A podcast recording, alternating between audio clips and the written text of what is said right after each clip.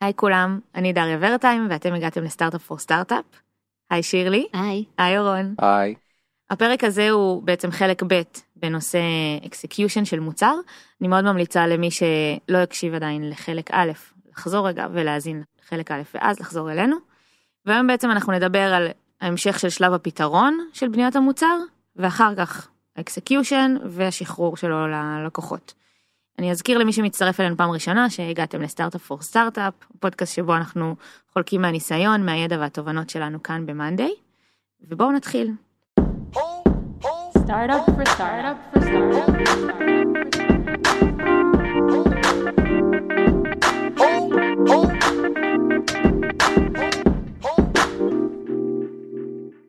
אז בואו נצלול ישר פנימה. סיימנו את השלב, את הפרק הקודם, בעצם בשלב הראשון, המיני שלב אה, של, אה, בתוך שלב הפתרון, שזה בעצם ה shaping של המוצר, ועכשיו אנחנו עוברים לעיצוב. אז הגענו עם איזשהו fat marker, sketch למעצבים, ומה קורה עכשיו? אז דבר ראשון הייתי אומרת להתייחס לשלב הקודם של ה shaping. אה, pitfall אה, מרכזי ונפוץ זה פשוט לבוא עם איזשהו עיצוב. אה, אז לוודא שהעיצוב מונח על היסודות של מה שהחלטנו ביחד כצוות, הבעיה שמנסים לפתור, ה scope שהגדרנו, ה flow שהגדרנו וכל ההחלטות המוצריות שקיבלנו. אז גם כאן למרות שבסוף אנחנו נרצה להגיע למוצר מאוד מאוד מפונש עם fidelity מאוד מאוד גבוה, גם פה הייתי אומרת לא לקפוץ לזה בהתחלה, כדי שוב להנמיך את מחיר הטעות, לבוא עם משהו שהוא לא לגמרי מפונש ולחלוק כמה שיותר מהר עם הצוות את האופציות. לי יש בראש שהם מגיעים אליהם עם, עם, עם כמה סקצ'ים שכבר די ברור מהם איך המוצר ייראה. אז כמה מרווח כבר למשחקים יש כאן בשלב הזה? יש המון מרווח, זה גם המקום של הדיזיינר להביא את כל היצירתיות שלו ואת כל המחשבות שרצו לו בראש תוך כדי. וממש אפשר להגיע לתוצרים שונים. דיזיין של המערכת שכולל הרבה מאוד אלמנטים שיכול להיות שיהיה מאוד מורכב לפתח או שלא כל כך מסתדרים עם כל מיני תשתיות או איזושהי שפה שיש לנו כבר במערכת. דברים שנראים קטנים אבל פתאום יכולים להשפיע מאוד על הפרפורמנס, זאת אומרת כמה מהר וכמה וכמה חלק המשתמש ירגיש את הדברים בגלל כל מיני אילוצים טכניים.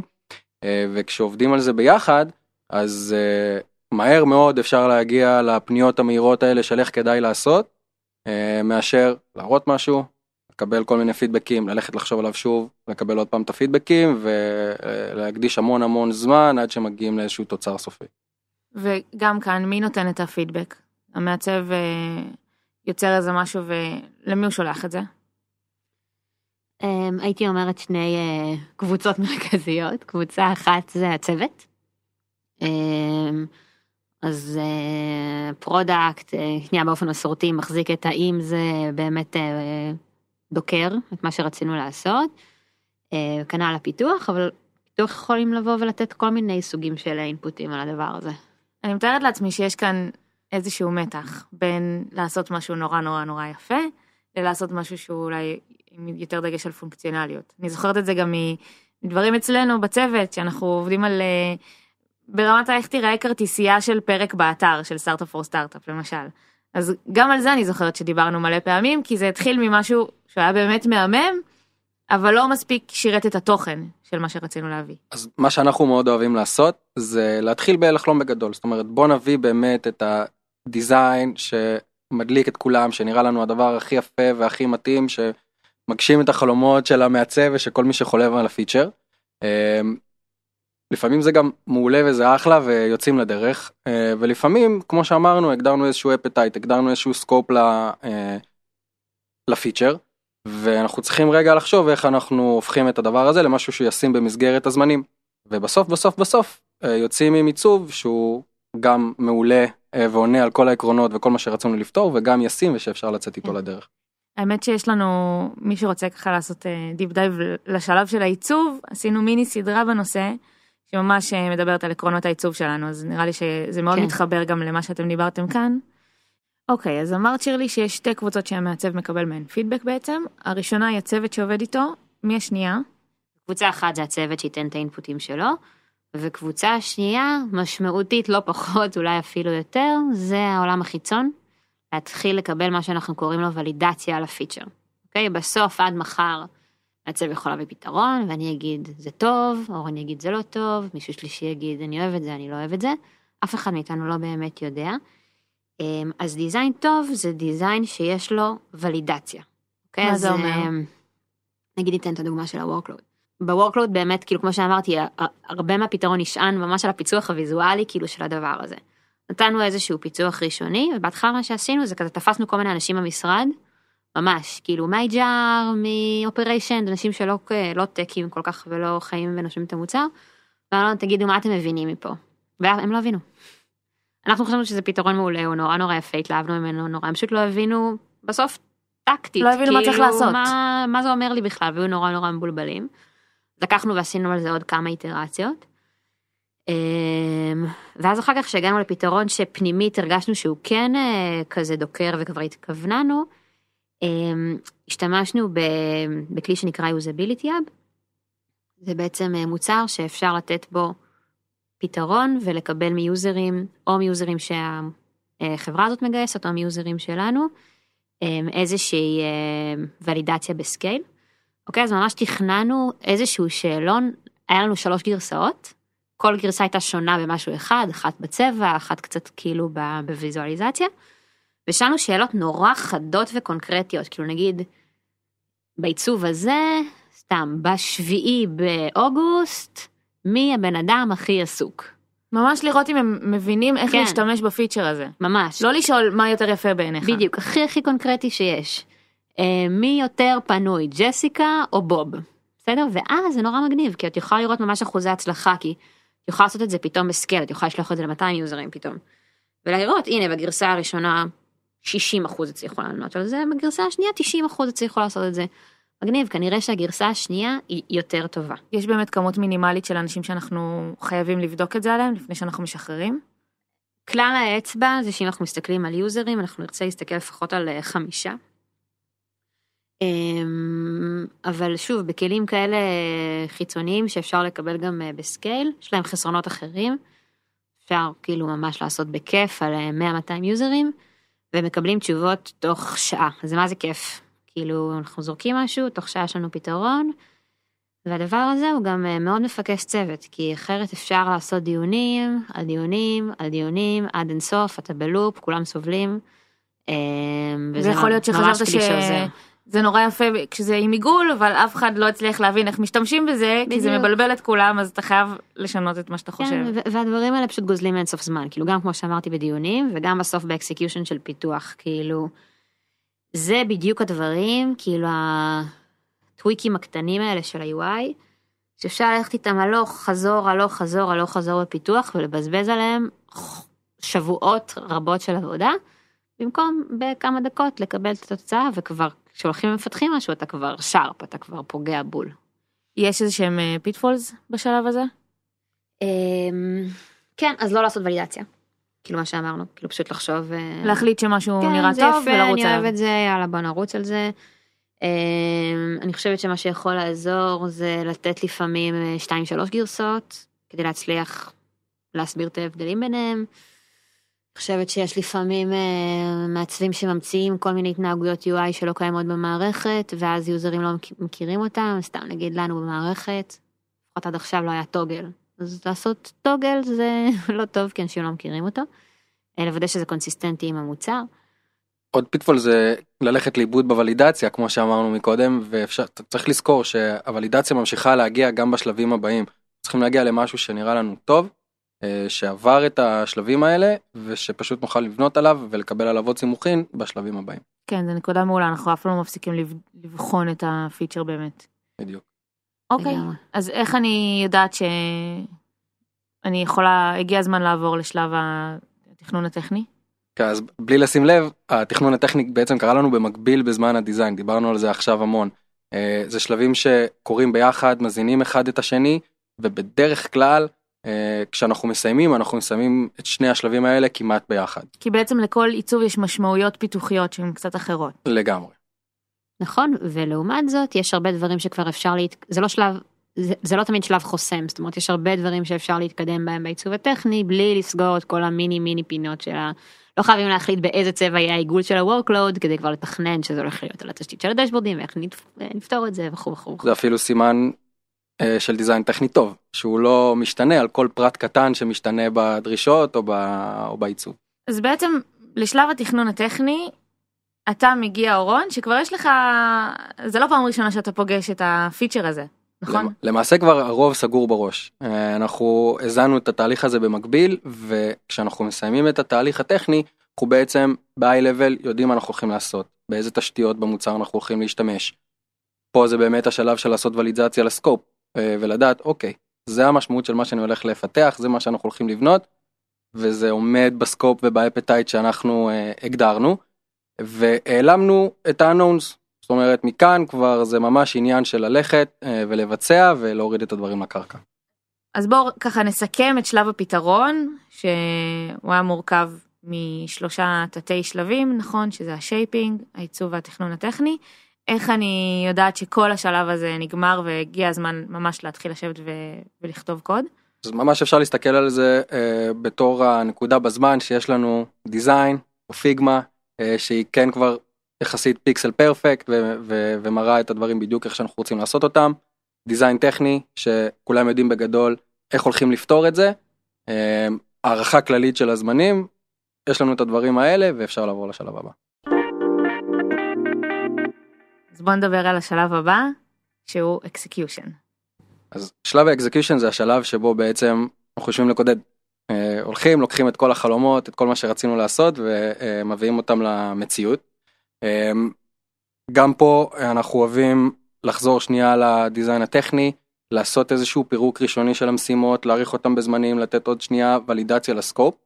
אה, ומכאן יש אה, כל מיני פרקטיקות קטנות שאנחנו מאוד אוהבים להתחיל איתן, שעושות את כל התהליך הזה מאוד כיפי ומאוד אה, מעורר השראה.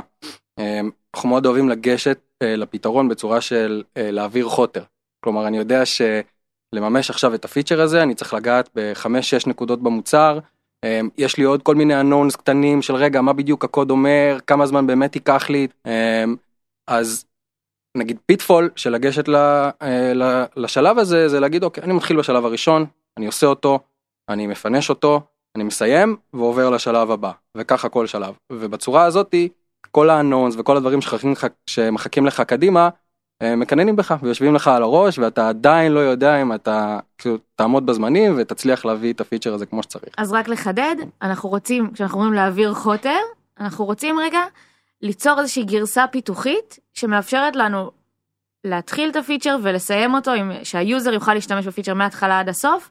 גם אם זה בצורה שהיא לא חלקה, גם אם זה בצורה שהיא עדיין לא נראית הכי טוב, אבל שהוא יוכל כבר להשתמש בזה. בדיוק, בזמן יחסית קצר, אני רץ על כל הנקודות שאני צריך לגעת בהן, אה, אני פותר אותם בצורה שאנחנו אוהבים לקרוא לה לפעמים אפילו quick and dirty, אה, אבל כשסיימתי, אה, אני יודע שבדיוק מה אני צריך לעשות, בדיוק מה האזורים שיקחו יותר זמן ופחות זמן, ויש פיצ'ר שעובד, שאפשר כבר להתחיל לשחק בו ואפשר להתנסות בו, ומכאן כל שלב הוא הצלחה, כי אני כבר לא דואג, אני כבר יודע שעכשיו בכל נקודה שאני הולך לפנש אותה, אה, ואני נהנה ממנה ומתקדם לשלב הבא. אבל למה לא ללכת בגישה הפוכה? למה לא לקחת אה, את כל השלבים השונים של הפיצ'ר ולעשות deep dive ממש לתוך כל אחד מהם עד שהוא יהיה מושלם מבחינת ביצוע?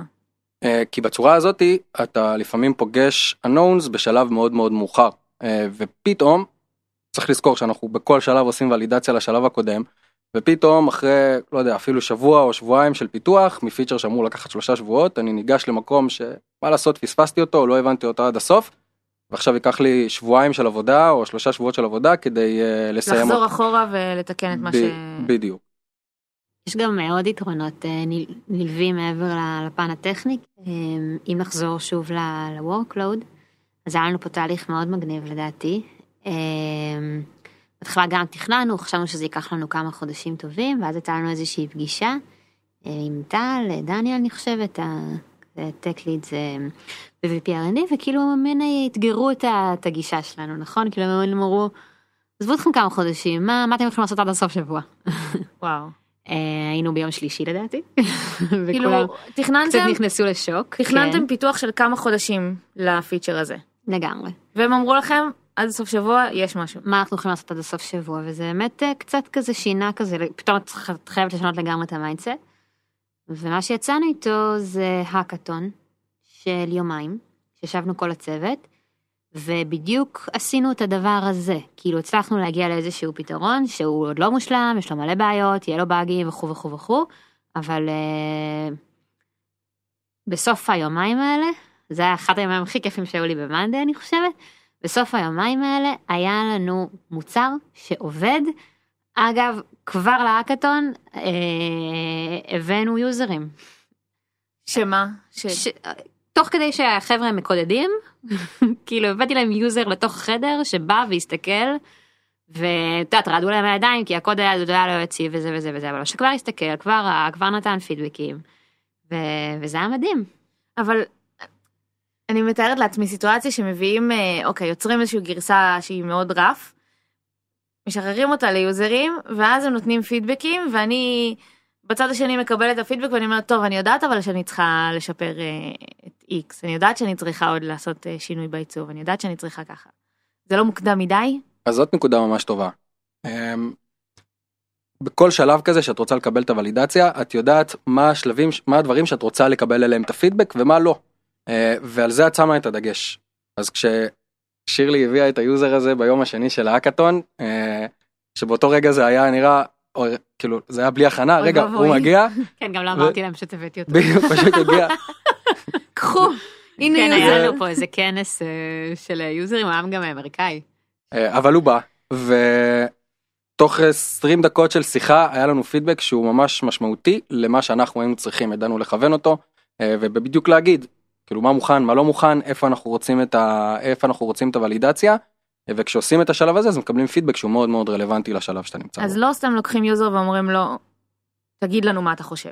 כן, גם, גם יש פה אגב אספקט של כאילו פשוט אה, כיף ומוטיבציה, כאילו את פשוט, את כבר רואה את זה גמור, כאילו, לא יודעת, יש לנו פה את הרכבת הקלה, אנחנו רואים אותה כל היום אה, מחוץ אה, בחלון, אז כאילו, אז, אז זה בדיוק לא לעשות את זה, זה לא לחפור את הבור, ואז להניח את המסילות, ואחרי שלוש שנים אה, מתישהו, אה, שלוש עשרים.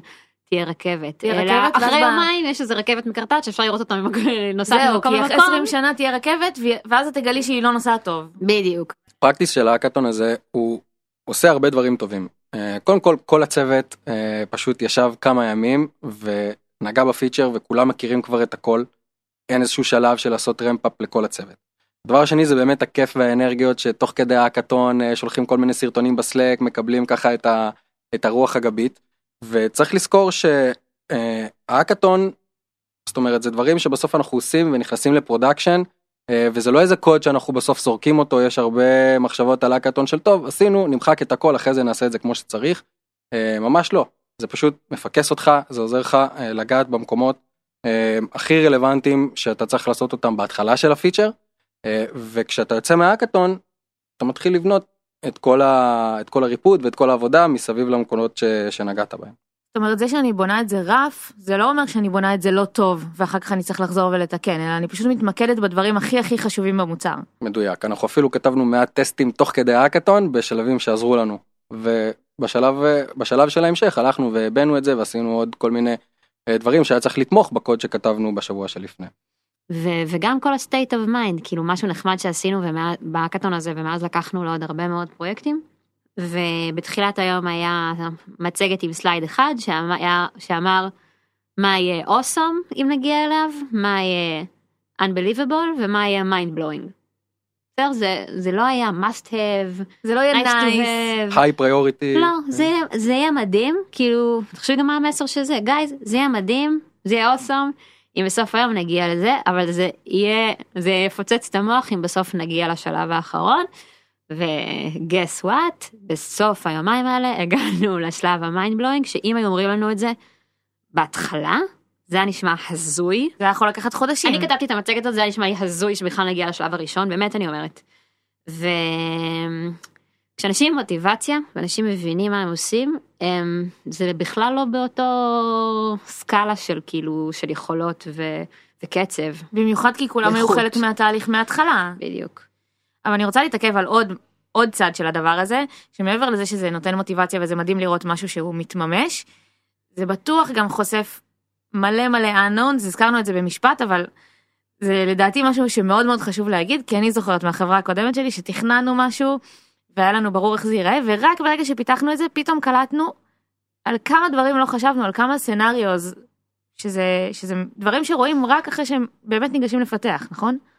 לגמרי, וזה היתרון בלעשות את הדברים בצורה הזאתי, שכל שלב הוא incrementali, והוא עושה ולידציה לשלב הקודם, והוא שנייה מאתגר עוד פעם את ההנחות הנחות יסוד. יש מצבים שבהם רגע הבנו שמשתנה ה scope, ו, וכן החלטנו גם לשנות את ה appetite. ויש מצבים שהחלטנו גם אחרי איזשהו האקתון קצר, אה, לעצור, רגע לשנות כיוון ו, ולעשות משהו אחר. תנו לי דוגמה כשזה לא עבד. מתי אה, נפלנו בדבר הזה? מתי לא עשינו את זה לא כמו שצריך? אז דוגמה לזה זה פיצ'ר אחר שנקרא sub items שהפיצ'ר הזה זה בעצם יכולת לעשות עוד היררכיה קטנה בתוך ה board שלי שלכל אייטם יכול להיפתח ויהיו לו עוד אייטמים קטנים. תת אייטמים קטנים שקשורים אליו. בפיצ'ר הזה הגענו ממש ממש מאוחר ליוזרים. עם, ה, עם הקוד האמיתי שרץ ב production עבדנו המון המון זמן אפילו אה, כמה חודשים אה, עד שהתחלנו לפגוש יוזרים.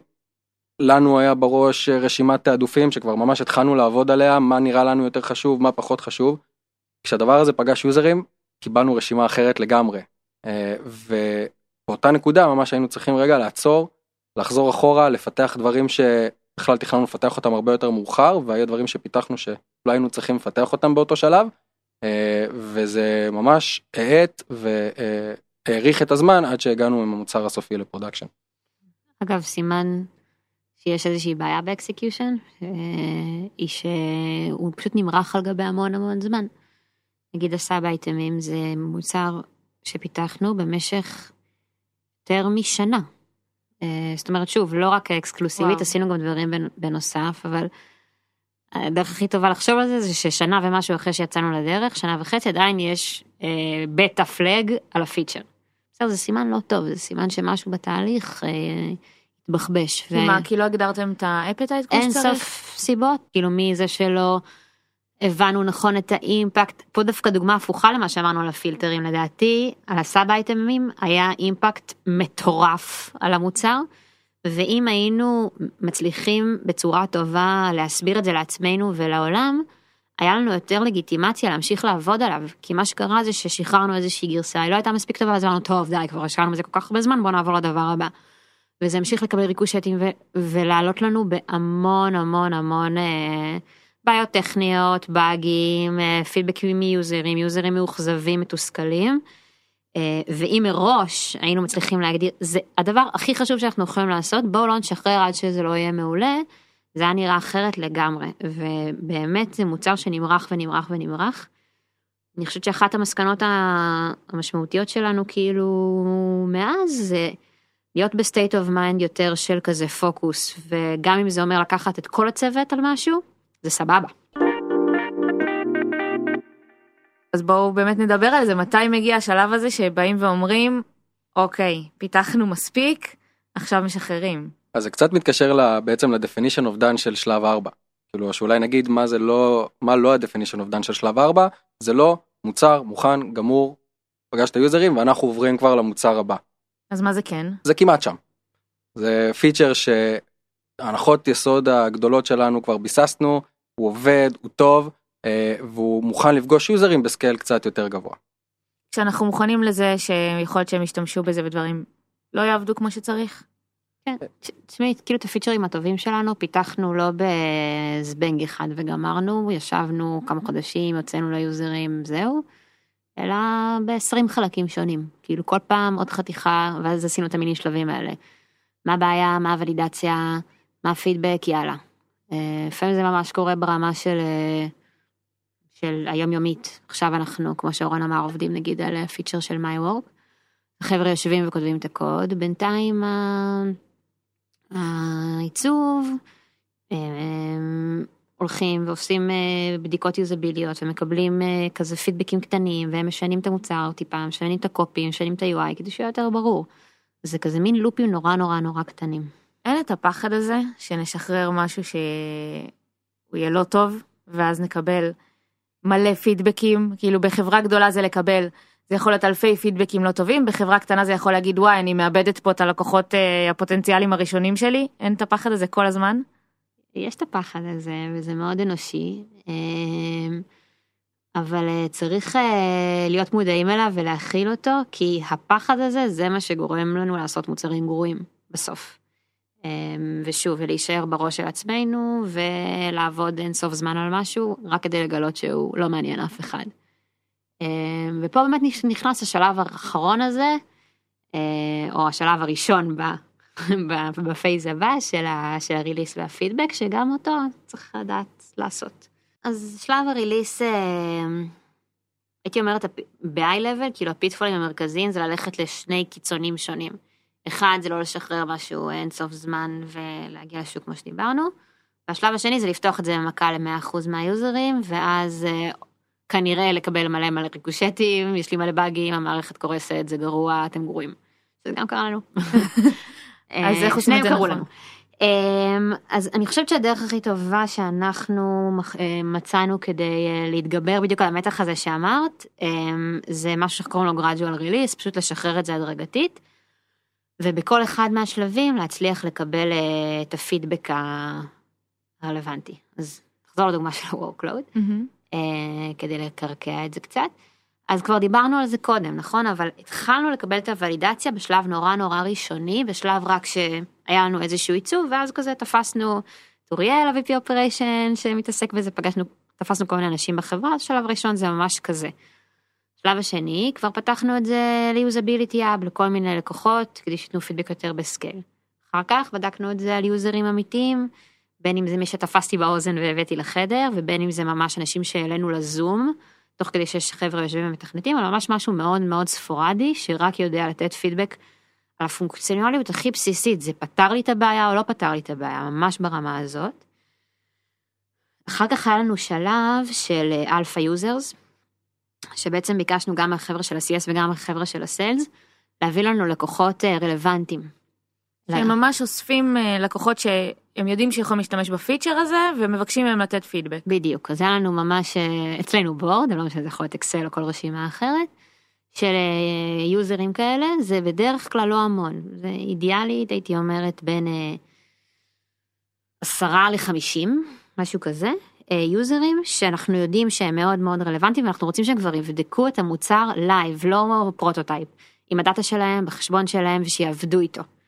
אוקיי? ולחבר'ה האלה אנחנו עושים תיאום ציפיות ממש אה, ברור, שזה זה, זה בטא, אתם שותפי פיתוח שלנו, אתם עובדים איתנו, אה, ואנחנו מאוד מאוד בהיי, מה שאנחנו קוראים לו high touch איתם, אנחנו כל הזמן מדברים איתם, אנחנו מבינים את הפידבק שלהם וכו' וכו' וכו'. אז ה alpha group הזה זה גם כבר זהב, ועליהם אפשר להתלכלך לגמרי, כאילו אין בעיה לעשות פיצ'רים, להגיד, תשמעו, אנחנו יודעים שיש לנו את הבאג הזה, סבבה? התעלמו מזה. שזה וזה לא עובד, סבבה? אוקיי. מה שאנחנו רוצים לקבל עליו את הפידבק זה 1, 2, 3, וככה מנהלים איתם שיחות.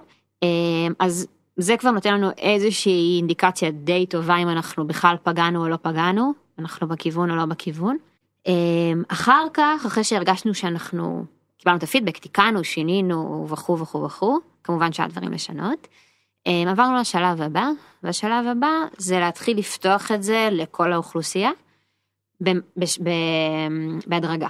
אז בשלב הראשון לדעתי פתחנו את זה לעשרה אחוז מהיוזרים, משהו כזה. אמ, למה גם כאן עושים את זה בהדרגה? מרגיש לי שעשיתם כבר כל כך הרבה מבחנים עד עכשיו, שאתם כבר אמורים להיות די סגורים בשלב הזה. אמ, משתי סיבות. דבר ראשון, האנשים שאנחנו דיברנו איתם, הם גם אנשים מאוד מאוד ספציפיים, שאנחנו יודעים שמאוד היו צריכים את הפיצ'ר, ויש להם תיאום ציפיות. אמ, והסיבה השנייה זה באמת אה, לוודא שאנחנו לא עושים משהו שפתאום מפיל את המערכת. בהקשר הזה אפילו משהו ששמנו לב, כל דבר שבסוף נכנס למוצר אנשים משתמשים בו. והנושא הזה של ה risk management אומר שאני אפתח את זה נגיד לעשרה אחוז מהיוזרים שלי, ואם יש שם בעיות אז אני אגלה את זה שם. לעומת, פתחתי את זה למאה אחוז, כמויות של יוזרים התחילו להשתמש בו וגילו משהו שהוא מאוד מאוד מאכזב ועכשיו כאילו הנזק הוא הרבה יותר אה, גדול. הרבה יותר גדול. כי כולם כבר גילו את זה בעצם. בדיוק. כן, וגם קשה לקבל הזדמנות שנייה, וגם זה מעמסה כאילו שיכולה להיות מאוד אה, מעמסה טכנית של אה, טיקטים ובאגים ודברים כאלה. תוך כדי שמרחיבים את המעגל שיוזרים חשופים אליו יש דרכים אחרות, יש דרכים שונות לאסוף את הפידבק. כמו שאמרנו בהתחלה, זה ב touch מאוד גבוה, אתה יושב עם ה user, אתה פותח איתו ביחד את הפיצ'ר, אומר לו אוקיי, תעשה refresh, עכשיו אתה תראה את, ה, את הפיצ'ר ואתה ממש בוחן את איך שהוא פוגש את הפיצ'ר הזה בפעם הראשונה. לעומת שלבים יותר מאוחרים, אה, שבהם אתה לפעמים אפילו מוסיף אה, כפתור פידבק, אה, ואז אתה מתחיל לקבל את הדברים יותר במסות ועושה עליהם סטטיסטיקות. אז פה גם כאילו אנחנו אוהבים כזה לעשות אינטגרציה ל Slack וכאילו הצוות כזה מחובר לסלק הזה ורואה את כל, ה, את כל הפידבקים במקום. ברגע שנכנס משהו ישר על זה. בדיוק וכל כמה זמן מקבלים רגע סיכום של הדברים עושים אותו ביחד ומבינים ומבינים איך להתקדם שלבים יותר מאוחרים. פותחים פוסט בקומיוניטי יש לנו פורומים כאלה של היוזרים ומתחילים לקבל שם כל מיני שיחות ופידבקים. לעומת השלבים הממש סופיים או אפילו כשהפיצ'ר רץ זה בתקשורת הרגילה עם היוזרים שפותחים לנו כל מיני פניות עוברים דרך הספורט. ו... כן אבל זה נקודה מעולה של אתם כל הזמן מתקשרים גם את זה שאתם רוצים פידבק אתם לא רק משחררים את זה לעולם וכזה טוב בוא נראה אם הם משתמשים בזה או לא אלא ממש מעודדים אותם לגמרי. דיברנו הרבה על האפקט של זה בתוך הצוות אבל uh, צריך לזכור גם את האפקט על היוזרים שלאורך כל הדרך הם מרגישים חלק ממי שבנה את המוצר ממי שהשפיע על איך שהדברים האלה יעבדו uh, יש לזה ערך מטורף. אני מתארת לעצמי שבן אדם שנתן פידבק ואז רואה את המוצר משתנה בהתאם זה בטח גם נורא כזה מספק לראות שהוא לקח בזה חלק. לגמרי לפעמים אפילו רואה את זה יום אחרי או יומיים אחרי וזה יוצר לופ משוגע בין היוזרים לבין הצוות שעובד על זה שאי אפשר לעצור אותו. אני יכולה להגיד לתת את הדוגמה של מיי-וורק שהיא באמת הייתה די קיצונית אני חושבת אבל גילינו שבסוף באגרגציה זה היה 90 אחוז בערך מהיוזרים שניסו את הפיצ'ר אמרו זה פיצ'ר שלא פותר לי את הבעיה עד כדי כך. היה לנו אה, בערך 550 פידבקים קטלגנו אותם לפי אזורים מתוך זה הוצאנו ממש בצורה חדה ומדויקת את הדברים שעכשיו אנחנו צריכים לעשות והגרסה השנייה שעשינו כבר ממש פגע. אם נמשיך שנייה בשלב הריליס אז הנה כבר מ-10-15 אחוז אפשר להתחיל לקבל איזשהו פידבק אה, כמותני מסקר. בשלב הבא אפשר כבר להסתכל על דאטה. אפשר כבר לראות כמה אנשים השתמשו בזה אפשר לנתח את הפאנלים אפשר לראות retention מתוך מי שהתחיל להשתמש כמה בכלל גילה את זה כמה עשה פעולה משמעותית מה שקוראים לו adoption כמה אה, המשיכו להשתמש פיתחו הרגל מה שקוראים לו retention. אה, כמה הפכו להיות לקוחות אה, מרוצים ו sticky, מה הפאטרנים של השימוש. אז את האזורים האלה של ה data analysis אנחנו כבר יכולים אה, בכמה עשרות או מאות אלפי יוזרים להצליח באמת לגלות פאטרנים. בנוסף לעדיין usability ו user interview זה תמיד קורה במקביל. זה השלב לתלות דשבורד מגניב על הקיר שממש מראה את המספרים האלה משתנים כל יום וזה גם חלק מהחוויה. ומתי מגיע סוף השלב האחרון, שלב שאנחנו אומרים, טוב, סיימנו את הפיצ'ר הזה, מתקדמים לפיצ'ר הבא. זה קורה בכלל, זה משהו שאנחנו תמיד נמשיך לפתח. בגדול אני אגיד שאנחנו תמיד צריכים להיות ביד על הדופק ולהבין מה קורה איתו.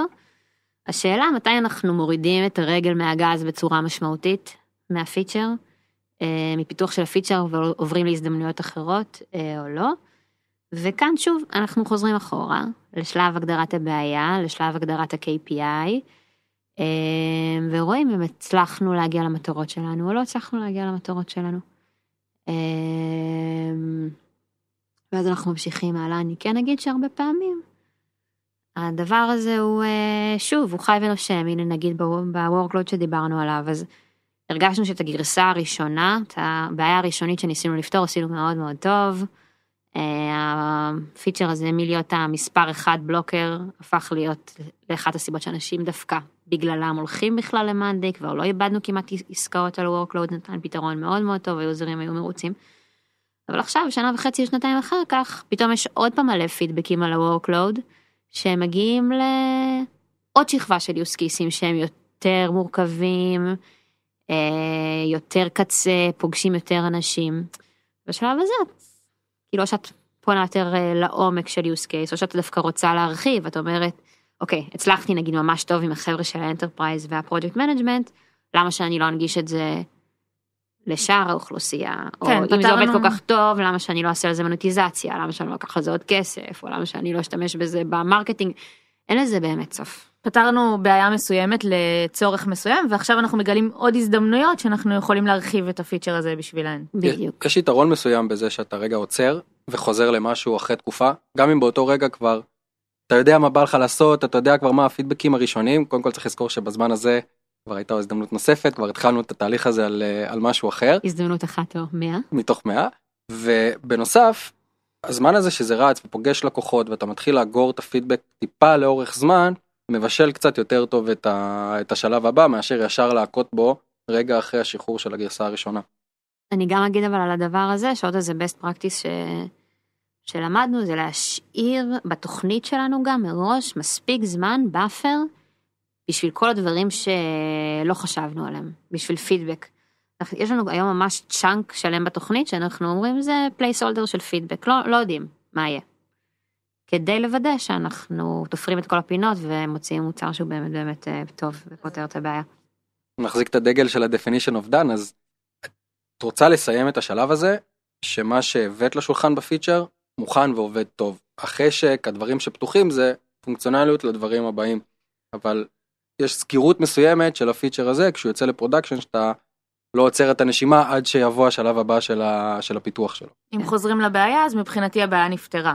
כן, האלמנט הזה נפתר ונפתר עד הסוף ומכאן רק להוסיף רבדים ולא כזה חלקים שלא נפתרו שם. כן, ואגב שוב התלוי הזה אם אנחנו הולכים עוד פעם לפיצ'רים הדווקא קטנים קטנים שלנו.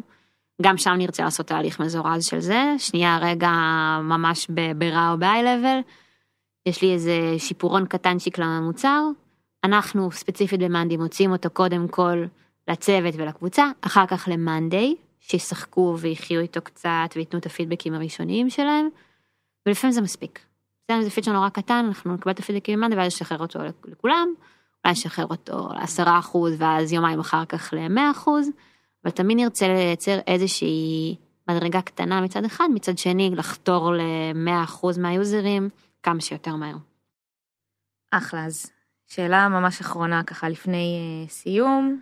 Uh, אני כן אזכיר שאם uh, למישהו יש עוד שאלות על כל התהליך הזה, uh, אתם מוזמנים לפנות אלינו דרך סטארט-אפ או סטארט-אפ סלאש אסק ולשאול את uh, שירלי ואורון, אנחנו נעביר להם את השאלות. אז uh, דיברנו כאן ממש לעומק על חמישה שלבים שהם נורא נורא משמעותיים ב, אה, בפיתוח מוצר. מה, עם מה אתם רוצים שאנשים יצאו מהדבר הזה? מה הכי חשוב לקחת מכאן? בסוף, מה שאני חושבת שחוזר על עצמו בכל איזה נקודת מטה כזאת, מעבר לכל האנקדוטות והדברים הקטנים שדיברנו עליהם, זה באמת להצליח אה, להוריד את האגו במובן מסוים. כאילו לא לחשוב ש... אנחנו יודעים, ואנחנו יודעים לבד, ואנחנו יכולים הכל, אלא כמה שיותר לשתף את הרעיונות, לפגוש עוד אנשים, לפגוש את ה... בין אם זה הצוות או בין אם זה היוזרים, אה, וכל הזמן לקבל חיכוך וולידציה מהעולם האמיתי, כדי לאט לאט להתכוונן לפתרון המושלם, אה, perfection through iteration, אה, ולא מההתחלה לחשוב שאנחנו יודעים הכל.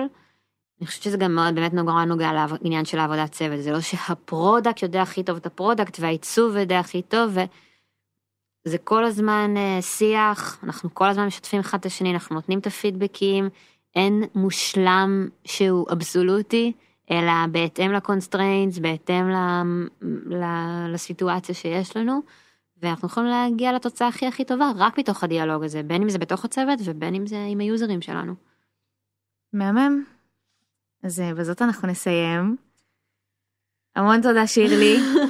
תודה, איזה כיף היה. תודה אורון. תודה, היה ממש כיף. סוף סוף אני יודעת איך עושים product במאנדיי. אה, אני אזכיר לכם שאם יש לכם עוד שאלות אתם יכולים לשאול דרך סטארט-אפ או סטארט-אפ slash ask או דרך הקהילה שלנו בפייסבוק. תודה שהאזנתם. Startup for startup for startup for